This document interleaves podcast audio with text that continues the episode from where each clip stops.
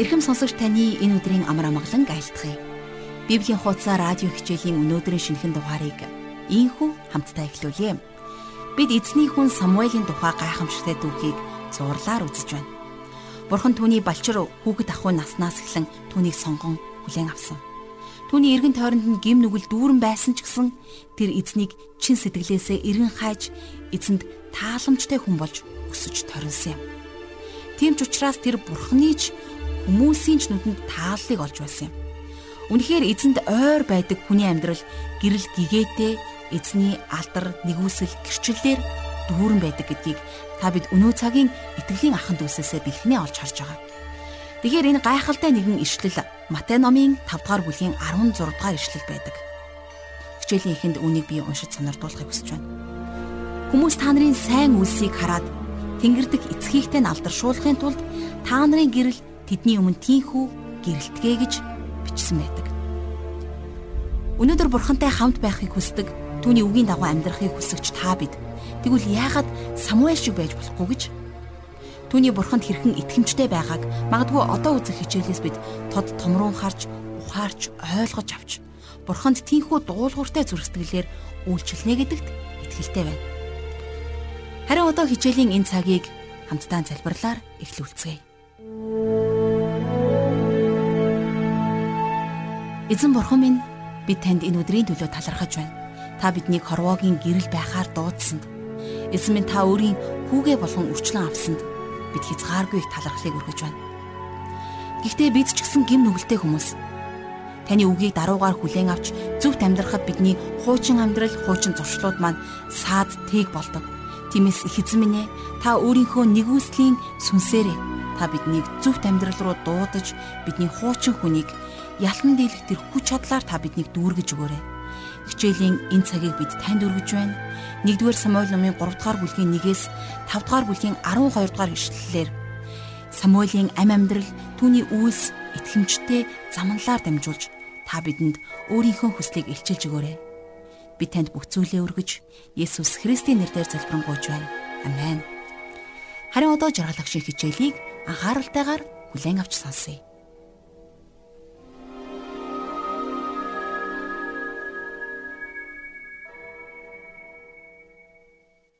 За бид э, Самуэль номыг э, хамтдаа судалж байгаа. Тэгэхээр Бурхан Самуэлийг дуудаж байгаа түүх бол үнэхээр гайхалтай түүх байгаа юм. За энэ түүх бол Библиэд дээрх түүхэн үеийн нэгэн маш чухал шилжилтийн үеийг харуулдаг юм. Тэгэхээр энэ шилжилтийн үед Бурханы засаглалаас хааны засаглал руу за цаашлах юм бол тахилч нарын удирдлагаас хааны удирдлага руу шилжиж байгаа тийм түүх гардаг. Түүхээс харах юм бол Самуэлийг бурхан дөрвөн удаа дуудсан байна. За эхний хоёр дуудлага бол авралт дуудсан дуудлага байсан. Харин сүүлийн хоёр дуудлага нь үйлчлэлд дуудсан дуудлага байсан. А бас Самуэлийн түүхэнд засаг төрийн хэлбэр эрс өөрчлөгдөж байгаа тухай гардаг. Израилийг шүүгчд захиргаан болж бурхан тахилчаар дамжуулан ажиллахаа зогссон. Харин бурхан иш үзүүлэгч тахилчийг өсгөн боожулж байна. Самуэль эзэн тахилчаар үйлчлэх боловч тэрний дуудлага нь иш үзүүлэгчийн дуудлага байсан. Тэр Саул за тэгээ Давидыг хаанаар тосолдог. Бурхан хаанд шууд үгээ дамжуулахгүй ч гэсэн иш үзүүлэгч буюу зөнчөөр дамжуулан тэднэртэй ярьдаг тийм үе байсан. За ингээд өнөөдрийнхөө хичээлийн хамгийн ихний ишлэл болох 1-р Самуэль номын 3-р бүлгийн 1-р ишлэлээс хамтдаа судалцгаая. Балчир хөвгүүн Самуэль Элигийн доор эзэнд үйлчилж байв. Тэр өдрүүдэд эзний үг ховор үзэгдлүүд ч цөөн байлаа. За дээр хишлэлээс хөвгүүн гэсэн үгийг хамтдаа анхаарч харцгаая. За тэгэхээр энэ үед болвол Самуэль 12 настай болсон байсан гэж түүхчид үздэг. Тэгэхээр тэр өсвөр наснд очиж байгаа залуухан хөвгүн байсан. А гэхдээ Элигийн өмнө эзэнд үйлчилж байсан гэж бичсэн байна. Тэр үед дөрвөн настай хүүхэд майхан сүм дотор эзэнд үйлчлэх боломжгүй байсан. За тэгээд дээрэс нь эзний үг ховор байсан гэсэн нэгэн өгүүлбэр энэ ишлэл дээр гарч ирж байна. За бурхны үг ховор өгдөг байсныг ингэж илэрхийлсэн байна. Бурхан энэ цаг үед өөрийгөө илчлэхгүй байсан. Тэр Самуилыг иш үзүүлэгч болгон дуудсныхаа дараа харин түүгээр дамжуулан ярьж эхэлсэн байдаг.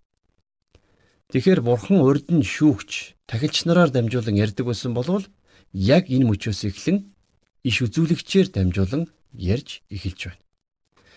Учир нь иш үзүүлэгч хаанд хандаж эзний үгийг дамжуулдаг. За бас хааны өмнөөс ярьдаг ийм алба байсан. За 2-оос 3 дугаар ишлэлийг хамтдаа харъя.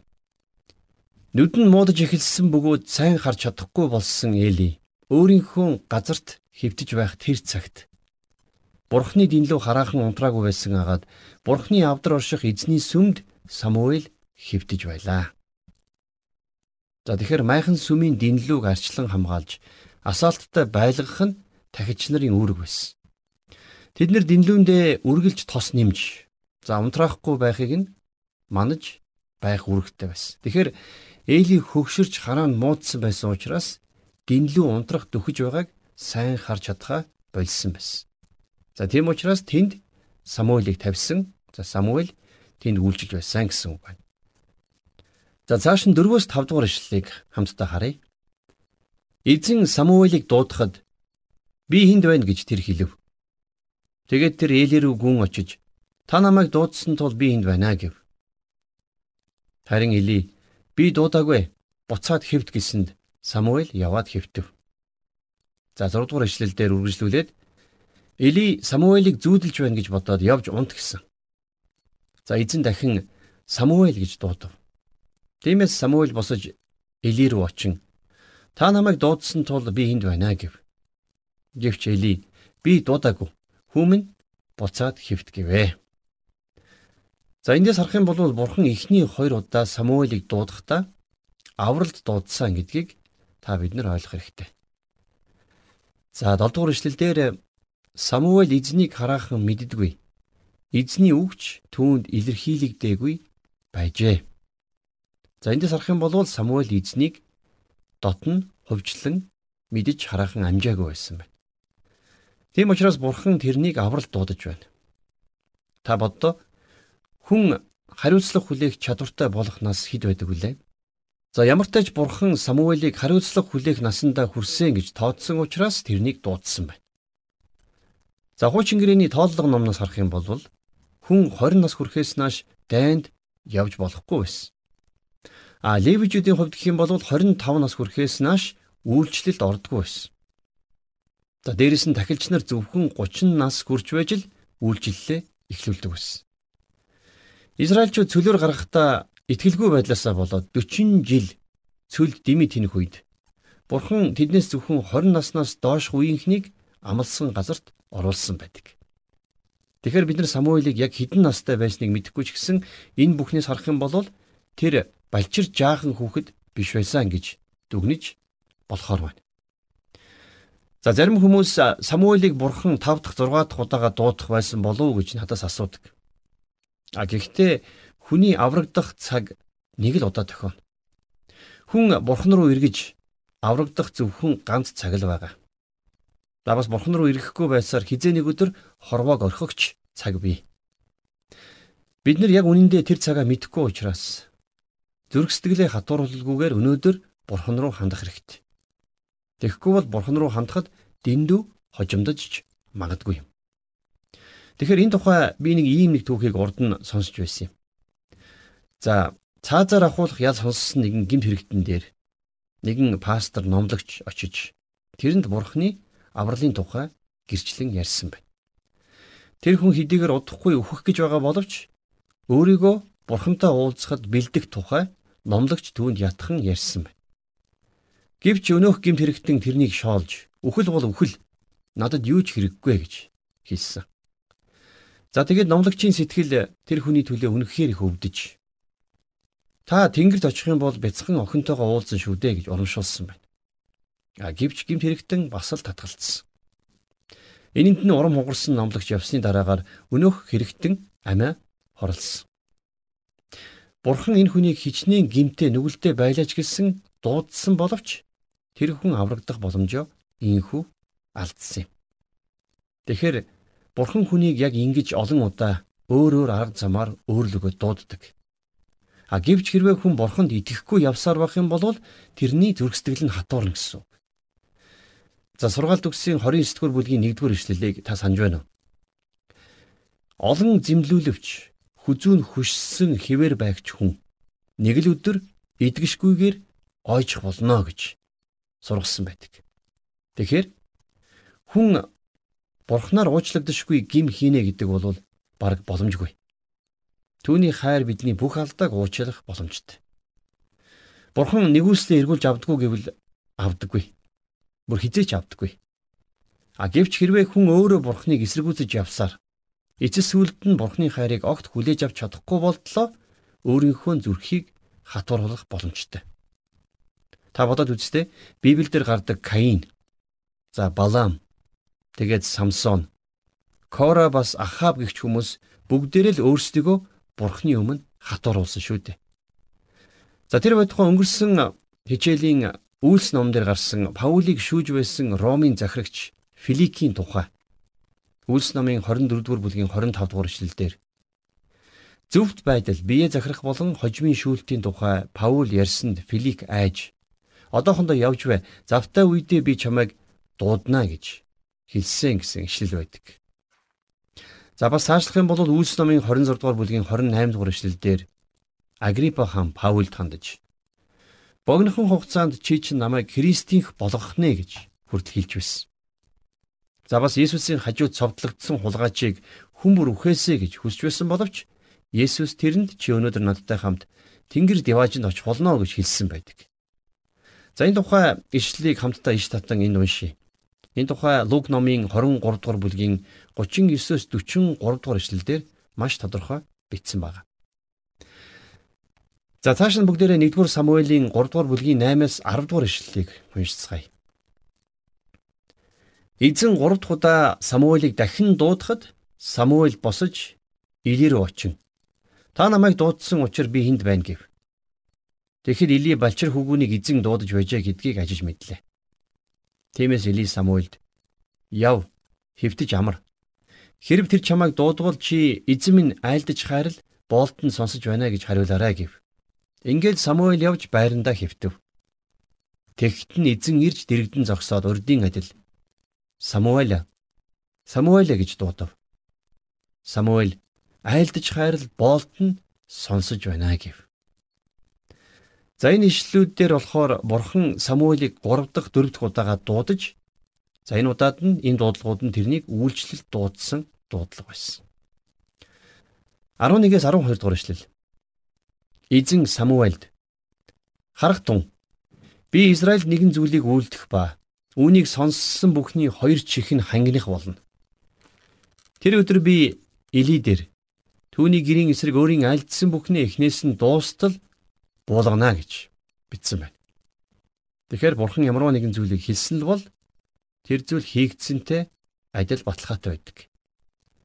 Хуучин гэрэн дээр бурхан иш үзүүлгийн үгс өгөхдөө өнгөрсөн цаг дээр өгдөг байсан нь тухайн зүйл аль хэдийнэ биелэгдсэнийг харуулдаг.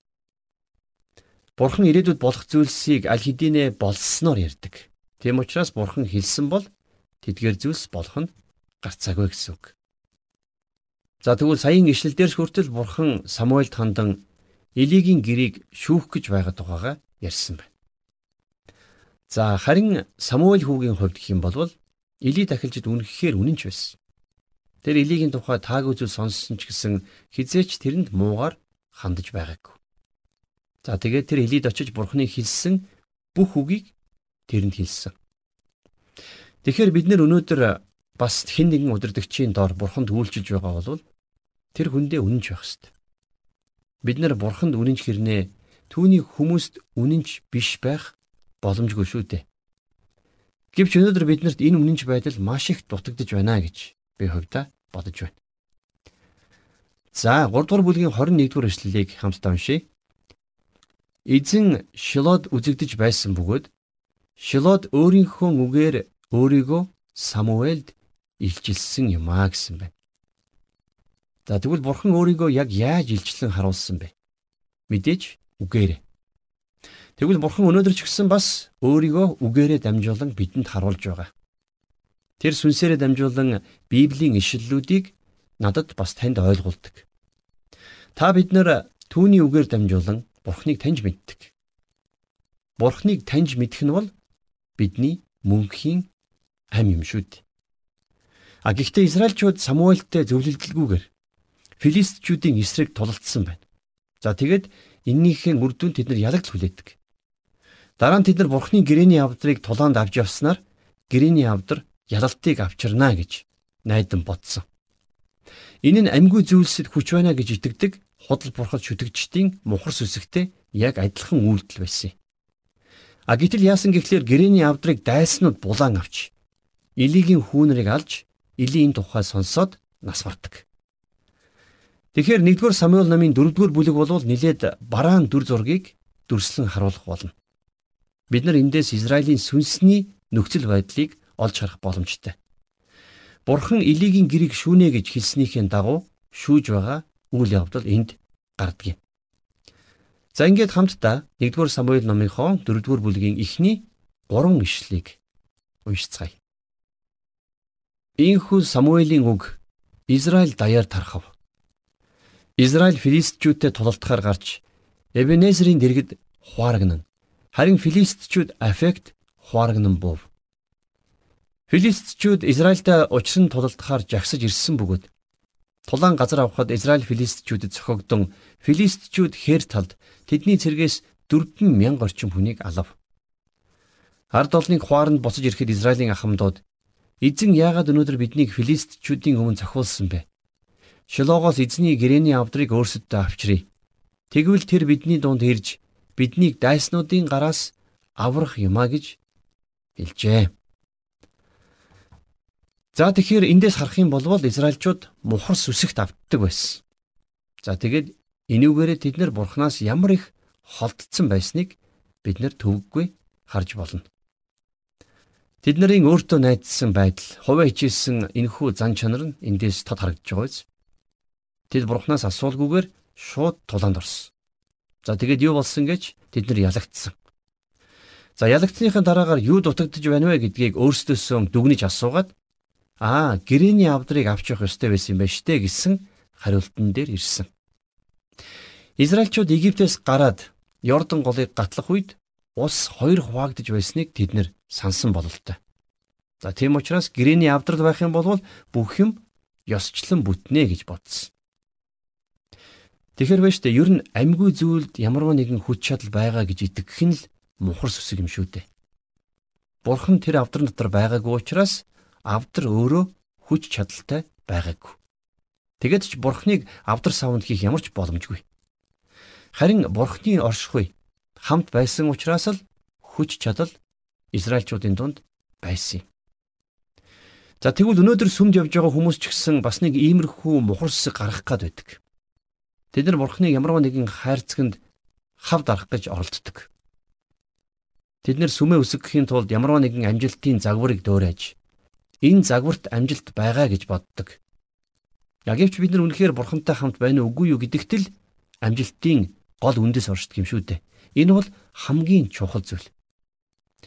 За ингээд гэрээний авдрыг яаж авчирсан тухай дүрслэлийг хамтдаа 4-р бүлгийн 4-өөс 5-р ишлэлээс үргэлжлүүлэн харцгаая. Тиймээс ард олон Шилоо руу хүмүүсийг илгээж хэрүүбүүдийн дээр орших төг төмдийн эзний гэрээний авдрыг тэндээс авч ирэв. Илигийн хоёр хөвгүн Хофны Финихас нар Бурхны гэрээний авдрын хамт тэнд ирлээ. Эзний гэрээний авдрыг хуаранд оруулж ирэхэд бүх Израиль газар дөргөн хөнгөнүүлсэн их дуугаар уухайлан хашгирваа гэсэн байна. За ингээд Израиль дахин тулдаанд орох болсон. Бид нар бүх Израилийн эзнийг магтахаар очдог байсан газар болох Шило руу хүмүүс явуулж гэрээний авдрыг авчруулсан. За ингэж авдрыг оруулж ирэхэд Израильчууд ихэд баярлаж уухайлж байсан. Тэд өөрсдийгөө маш чухал сүнслэг зүйл хийлээ гэж бодсон боловч а яг үнэн хэрэгтээ мухар сүсэгтэй худал шүтээнд мөргөгчд болж хувирсан байсан. Тэд нар бурхныг биш авдрыг нь шүтэж байсан. Тэгэхээр өнөөдөр та бид нар ч гэсэн сүм цуглаанаа хийхдээ энэн дээр маш болгоомжтой анхааралтай байх ёстой. Бид нар сүмээ эсвэл ямар нэгэн хүнийг өргөмжлөд байгаа юм биш үү? Эсвэл бид нар ямар нэгэн арга барилыг шүтэж байна уу? А эсвэл бид нар үнэхээр яг амьд эзнээ хүндэлж байна уу гэдгээ заавал бодоорой. 6-аас 8 дугаар эшлэл. Филистчүүд тэр дуу чимээг сонсоод еврейчүүдийн хооронд юун сүртэй уухай гарах нь инвэ гэлцэв. Тэгээд эзний гэрэний авдрыг хооронд оруулж ирснийг тэд мэдлээ. Филистчүүд Бурхад тэдний хооронд залран ирлээ химээлдэн түгшцгээв. Тэгээд урд нь ийм тохиолдож байгаагүй тул бид золгүй. Бид золгүй. Хэн биднийг энэ агуу хүчит бурхтын мотроос мултлан аврах вэ? Эдгээр нь Египтчүүдийг элдв төрлийн гамшигаар цөлд цогссон бурхад мөн билээ. За филистчүүдийн хувьд бурхны гэрэний авдар Израильчуудын хооронд хэрхэн ирснийг сонссон байна. За тэгээд тэд нэр бурхан өөрөө тэдний дунд иржээ гэж бодоод айцгаас. Гэрэний авдар болвол Израильчуудын шүтэн байсан гэж тэд нар мэднэ. За ингэж филистчүүд мухарсагтай байхаас гадна бурхны талаар ямар ч мэдлэггүй байсныг энэ ишлэл бидэнд харуулж байна.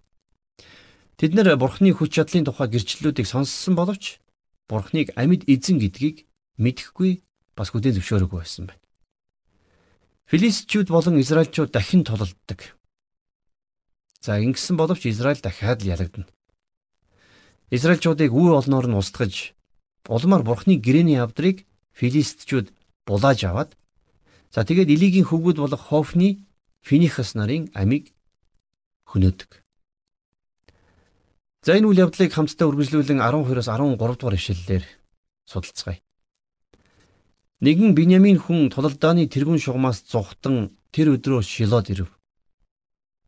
Тэр хувцсаа урж толгойдоо шороо цадсан байлаа. Хараач түүнийг ирэхэд Или замын хажуудлын сандал дээр суун зүрх нь бурхны авдрын төлөө төгшөж байсан учраас тэр анхааран харуулдаж байлаа. Өнөөх хүн хот руу орж мэдээг дуулгахад хотынхан бүгд бархиран хашгиралдав.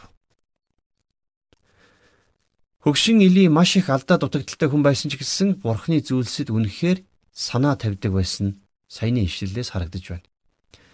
За тэгээд цааш нь 14-өөс 16 дугаар ишлэлдэр Или уйлалдах дууг сонсоод Энэ юун дуу шууган бэ гэсэнд өнөөх хүн яравчлан ирж Илид мэдүүлв. Или 98 настай бөгөөд нүд нь харанхуйлан юм үзэхэ болсон байв. Өнөөх хүн Илид би тулалдаанаас ирээд байгаа нэгэн байна. Би өнөөдөр тулалдааны талбараас зогтож ирлээ гэсэн Или юу болсон бэ хүүмэн гэж асуув. За тэгэхээр Израильчууд гутамшигтайгаар ялагдсныг хот даяараа сонсоод маш ихээр уйлж гашуудсан байна.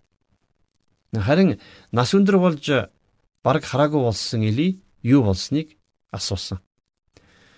За цааш нь 17-оос 18 дугаар эшлэл дээр. Тэгэхэд мэдээ хүргэгч. Израиль филистчүүдээс зүхтааж ард олны дунд их аллаг болж таны хоёр хүү Хофны Финихас нар үхэж Бурхны авдар булаагдав гэж хариуллаа. Түүнийг бурхны авдрын тухай дурдахад Или хаалганы хажууд буй сандал дээрээс гидрэг унан хүзүүгөө хугалж өгөв. Учир нь тэр өтлөөстэй лагс биеттэй хүн байжээ. Тэрээр 40 жил Израилийг шүүжээ. Тэгэхээр Или өөрийнхөө хүүгүүдийг нас орсныг сонсоод тайван хүлээж авсан хэрнээ.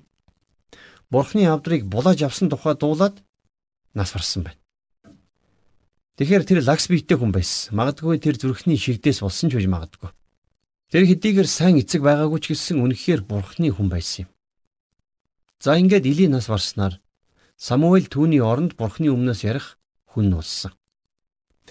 За харин 1-р Самуэль номын 5 6 дугаар бүлгүүд дээр бол бурхны авдрыг булан авсан филистчүүдэд юу тохиолдож байгаа тийм үйл явдал гардаг. Тэр авдар өөрөө ямарваа нэгэн хүчгүй зүйл болохыг тэд нар ойлгосон.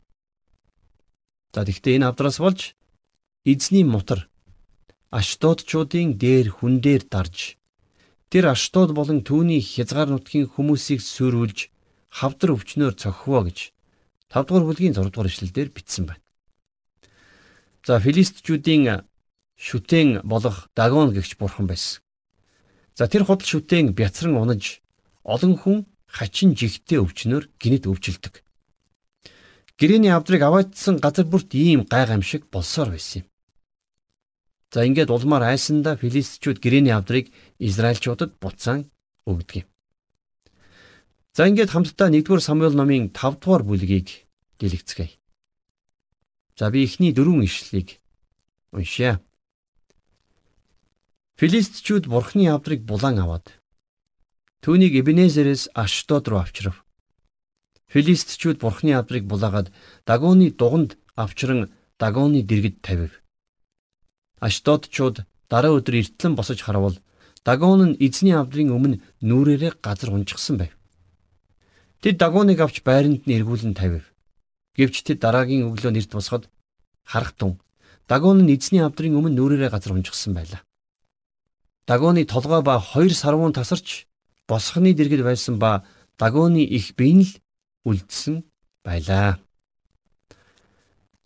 За филистичүүд гэрээний авдрыг булан авснараа маш сайн зүйлийг олж авлаа гэж бодсон боловч тэд нар өөрсдийн шүтэн Дагоны дуганд байрлуулах бүртэн Дагон нь унаж байсан. Бурхны оршихуй тэр худал бурхныг унгасан.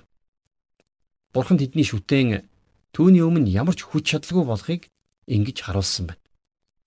За энэ үйл явдал бол яахын аргагүй филистичүүдэд маш их айдас жихүүцлийг төрүүлсэн. За нэг үгээр хэлэх юм бол бурхан хошигнж байгаа юм шиг санагдаж байна. Тэд нар гэрээний явдарт дэндүүг шунаж байсныхаа дараагаар энэ нь тэднэрт ямар их аюултай болохыг ингэж ойлгосон байна. За 5 дугаар бүлгийн 6-аас 7 дугаар эшлэл. Эзний мотор Аштодчуудын дээр хүн дээр дарж Аштод болон түүний нутаг дэвсгэрдэг хүмүүсийг тэр сүрүүлж булд руу өвчнөр цохив. Аштодын хүмүүс үүнийг үзээд Израилийн бурхны авдар бидний дунд байж болохгүй. Тэр бурхны мотор бид болон бидний бурхан Дагон дээр хүнд дарсан билээ гэцгээв. За ингээд учирч байсан гай гамшгууд нь тохиолдлих бишээ гэдгийг филистичүүд ойлгож за тэгээд тэд нар гэрээний авдрыг филистичүүдийн өөр нэг хот руу явуулдаг. За энэ тухай хамтдаа 8-аас 10 дугаар ишлэлээс харъя. Тэгээд тэд хүмүүсийг явуулж Филистийн бүх ноёдыг цуглуулад Израилийн бурхны авдрыг бид яах вэ гэв. Тэд хариулан Израилийн бурхны авдрыг Гатад аваачья гэв. Тэгээд Израилийн бурхны авдрыг аваачлаа. Түүнийг Гатад аваачсны дараа бурхны мотор энэ хотын эсрэг асар их үүмэн самун авчрав. Бурхан булдрууд өвчин тархаан хотын хүмүүсийг их баг гэлгүй бүгдийг цохив. Тиймээс тэд нар бурхны авдрыг экран руу илгээлээ. Бурхны авдар экранд хурж ирсэнд экранчууд бархиран хашгиралдаж тэд биднийг болон манай ард олныг өхүүлэхийн тулд Израилийн бурхны авдрыг биднэр лөө авчирлаа гэцгээв. Аюултай галт бөмбөгийг хүн бүр өөрөөсөө зайлуулж нэг нь нөгөө рүүгээ шилжүүлж байсан. А эцэст нь энэ бүхнийг төгсгөл болгож гэрээний авдрыг Израильчуудад эргүүлэн өгөхөөр шийдсэн юм. Тэгэхээр бурхан филистчүүдээр өөрийн шүүлтийг ингэж буулгасан учраас тэд нар Израилийн гэрийн авдрыг яах вэ гэсэн цорын ганц асуулт дээр шаналж эхэлсэн юм а.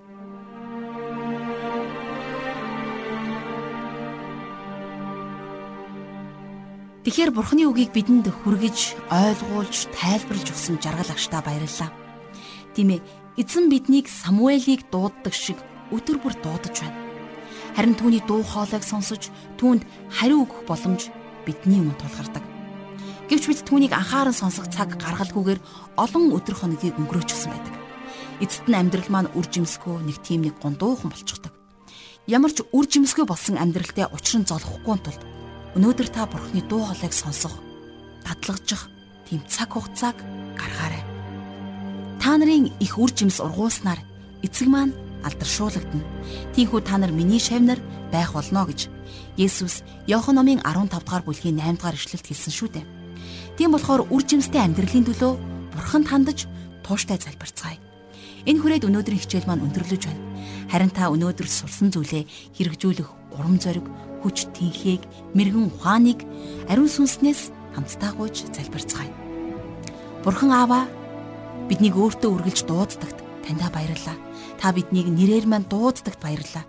Их эзэн минь ээ, харин бид өнгөрсөн өдрүүдэд бид өнөөдрийг хүртэл таны дуудлагыг бидний нэрээр маань дуудах тэрэл дуудлагыг сонсолгүй, хайхралгүй бас таны дуу хоолойг сонсох тэр дасгалжуулах цагийг өөрсөддөө хичээнгүйлэн гаргаагүй тэр цаг мөчийнхөө төлөө би таны өмнө гимшин улааж байна.